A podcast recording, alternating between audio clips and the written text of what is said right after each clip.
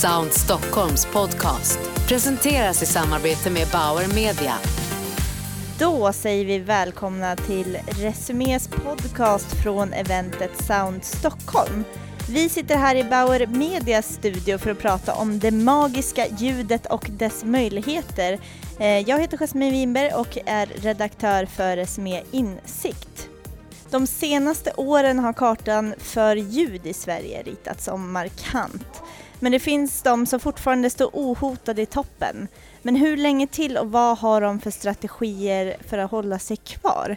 Vi har fått hit en person som eh, nog bäst kan svara på de här frågorna och det är Simon Gooch som är innovationsdirektör på Sveriges Radio. Välkommen hit Simon. Tack så mycket. Har Sveriges Radio några konkurrenter? ja, äh, det har vi absolut. Det finns um, fler personer som konsumerar ljud idag än någonsin tidigare så det är klart det finns uh, fler konkurrenter också.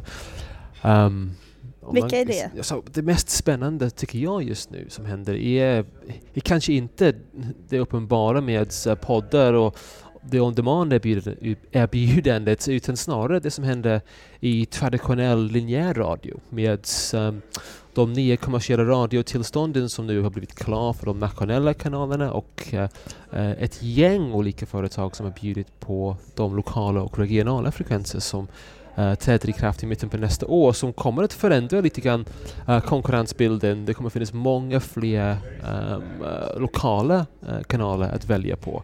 Uh, inte bara i Stockholm där det finns rätt många och, och Göteborg och, och, Malmö och Lund utan även i, i resten av Sverige. Det, det kommer givetvis att påverka den linjära lyssningen på Sveriges Radio. Men, och sen såklart, det händer otroligt mycket framförallt i Sverige kring, uh, kring podcast, kring musikstreaming, kring ljudböcker och så vidare. Så, så. Ni har ju väldigt många jättebra jättebra podcast måste jag säga. Jag är själv en konsument av dessa. Eh, men eh, vilka poddar vill folk minst lyssna på från SR? det är en ganska kul fråga.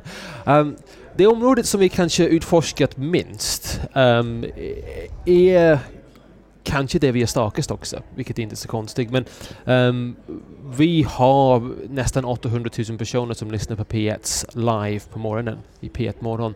Uh, P4 har två miljoner lyssnare um, om man räknar ihop alla våra lokala radiostationer på morgonen. Um, det finns uh, nästan 600 000 personer som lyssnar varje morgon på, uh, på morgonpasset i P3. Så att, um, där har vi redan ett erbjudande för den som är intresserad av um, att veta vad som har hänt på morgonen i ljudform. Och att paketera om det till att vara en podd är ingenting som vi har satsat jättemycket på. Um, och samtidigt, om man kollar på utvecklingen i USA, det som både NPR, som den amerikanska public radio, har gjort med Up First och med um, uh, New York Times och deras podcast The Daily, två poddar som har en idé att vara att sammanfatta det aktuella, de aktuella ämnen precis när man är redo att gå upp på morgonen. Med lite olika infallsvinklar. Um, ja, det, det, är intressant att se den utvecklingen och se om vi, eller förmodligen någon annan kanske också, äh, vill ta samma sorts koncept i Sverige. Ska ni göra det då? Ja, vi tittar på, alltså vi, vi tittar på massa olika saker men, mm. Äh, och vi har labbat lite grann med, äh, med några format som skulle kunna passa där. Mm. Spännande, mm. vi får se då. Eh, I din roll som innovationsdirektör, vilka är dina största utmaningar just nu? Jag tror den största utmaningen just nu är Um, det också går tillbaka till att den linjära radiokonsumtionen är så stark. Så den, den, um, den största utmaningen är att skapa en riktig sense of urgency, att vi måste anamma det nya. Och vi kan se senaste året kanske, i Sverige men även i Norge, Danmark, UK och så vidare, att den unga kanalen som respektive public service-företag har, har börjat um, tappa lyssnarna i den yngsta målgruppen och, och samtidigt, framförallt här i Sverige, ser vi att det där uh, konsumtionen av on-demand ljud börjar öka. Så nu kan vi börja se att det händer saker. Men den största utmaningen är att säkerställa att vi kan skifta resurser från att jobba um, linjärt till att jobba on-demand samtidigt som vi inte ska uh, skada den, den stora linjära publik som vi fortfarande ha. Hur länge till tror du att ni kommer ha en stor publik linjärt? Jag tror att det kommer bestå ganska, ganska länge. Det, så jag var, när jag jobbade på Bauer tidigare, en av de personer som ehm, trodde att vi skulle, så radiobranschen överlag skulle vara betydligt mer påverkad av alltså radiokonsumtionen. Uh, linjär radiokonsumtionen skulle vara betydligt mer påverkad av, eh, av digitaliseringen vad, vad som har faktiskt hänt. Så att, eh, det är omöjligt att säga. Ja, om, om vi tittar ut här och, och kollar på bilen om eh, 10 eller 15 år kanske de är självkörande och om en tredjedel av radiolyssningen i Sverige är i bilen och man kan istället välja att göra något annat i bilen. Ja, kanske det kommer vara någonting som påverkas jättemycket men Du har också sagt tidigare att eh, röstassistenter kan öka lyssningen även på linjär, eh, linjär radio. Eh, och eh, förklara hur du tänker Jag tycker det är fascinerande det, det där. Att, um, uh, I radiobranschen uh, var det många som försökte påstå att uh, den mobila telefonen var den nya radion och um, på sätt och vis det har blivit en, en ljudspelare, absolut. Ehm, um, men kanske inte så, mycket, inte så mycket för linjär radio, det är bättre för musikstreaming och poddar. Medan um, i hemmet har vi sett att köksradion har allt eftersom um, ja, försvunnit och det är inte direkt den första som en eh, person som flyttar hemifrån köper numera deras köksradio på samma sätt som tidigare var det första man gjorde var att ta ut en tidningsprenumeration. Det gör man inte heller längre. Eh, det är rätt många som nu sägs inte ens köper en TV när de flyttar hemifrån för deras laptop eller padda fungerar minst lika bra. Så att, men med röstassistenter plötsligt har vi en högtalare som är uppkopplad som och där vi ser att en av de absolut främsta an anledningarna till att folk använder dem när de har fått in den i hemmet är att konsumera lin linjär radio.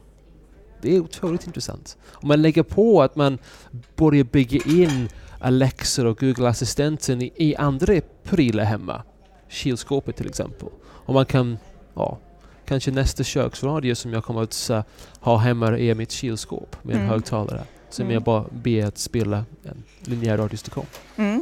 Det är jättespännande. Och ni, ni finns i Alexa va? Eller? Ja, vi, så vi, vi tycker området är, är superintressant. Det är, det är någon, så att, eh, det, det är banbrytande att vi skiftar från hur vi konsumerar teknik och, och flyttar över till att um, inte längre behöva uh, använda våra fingrar för att peka på, på en skärm som vi måste titta på. Um, det öppnar massa möjligheter för vi som jobbar med ljud. Så att um, Eh, vi, trots att ingen av de här assistenterna finns på svenska ännu, har vi börjat laborera och leka med okej, okay, okej, vad måste vi göra? De som har testat våra skills uh, än så länge är jättenöjda. De är inte jättemånga, så det, är, en handfull alltså inte ens early adopters som uh, har, har importerat de här produkterna till Sverige just nu, eller så, som använder dem utomlands. Men uh, för oss det är viktigt att förstå vad måste vi förändra i vår produktionsprocess, i vårt sätt att göra radio. Hur måste den låta? Hur måste innehållet justeras för att möta de möjligheterna som tekniken ger oss? Och avslutningsvis då, hur skulle du säga att Sveriges Radio låter om tio år? Om tio år? Ingen aning. Ingen Det är alldeles för långt framme för att ens Fem år då? gissa. Fem år? Och jag brukar säga att fem år är också för långt framme, men om tre år Ja. Um, jag brukar prata om en innov- innovationshorisont på, på 36 månader, för Ja. det är en horisont som man, vi kan faktiskt ta i. Och jag tror att om vad vi är inne i en rörelse kring nu är att förstå bättre vad är linjärt och vad är on-demand? Så att vad är det som passar um, som ett on-demand-produkt som jag kan konsumera när jag vill? Och vad är en linjär produkt? Vad är live-radio helt enkelt? Vilk, för det finns situationer eh, där jag vill konsumera live-radio, där FM-radio är fortfarande en väldigt bra distributionsmekanik. Och um, vad är skillnaden då? Det är en av de saker som vi håller på att jobba med, så vi kommer kanske få se en ännu tydligare uppdelning mellan det som är live och linjärt och det som är on-demand. Jätteintressant. Tusen tack för att du kom hit idag, Simon Gurtz. Tack för att jag fick komma. Tack så mycket.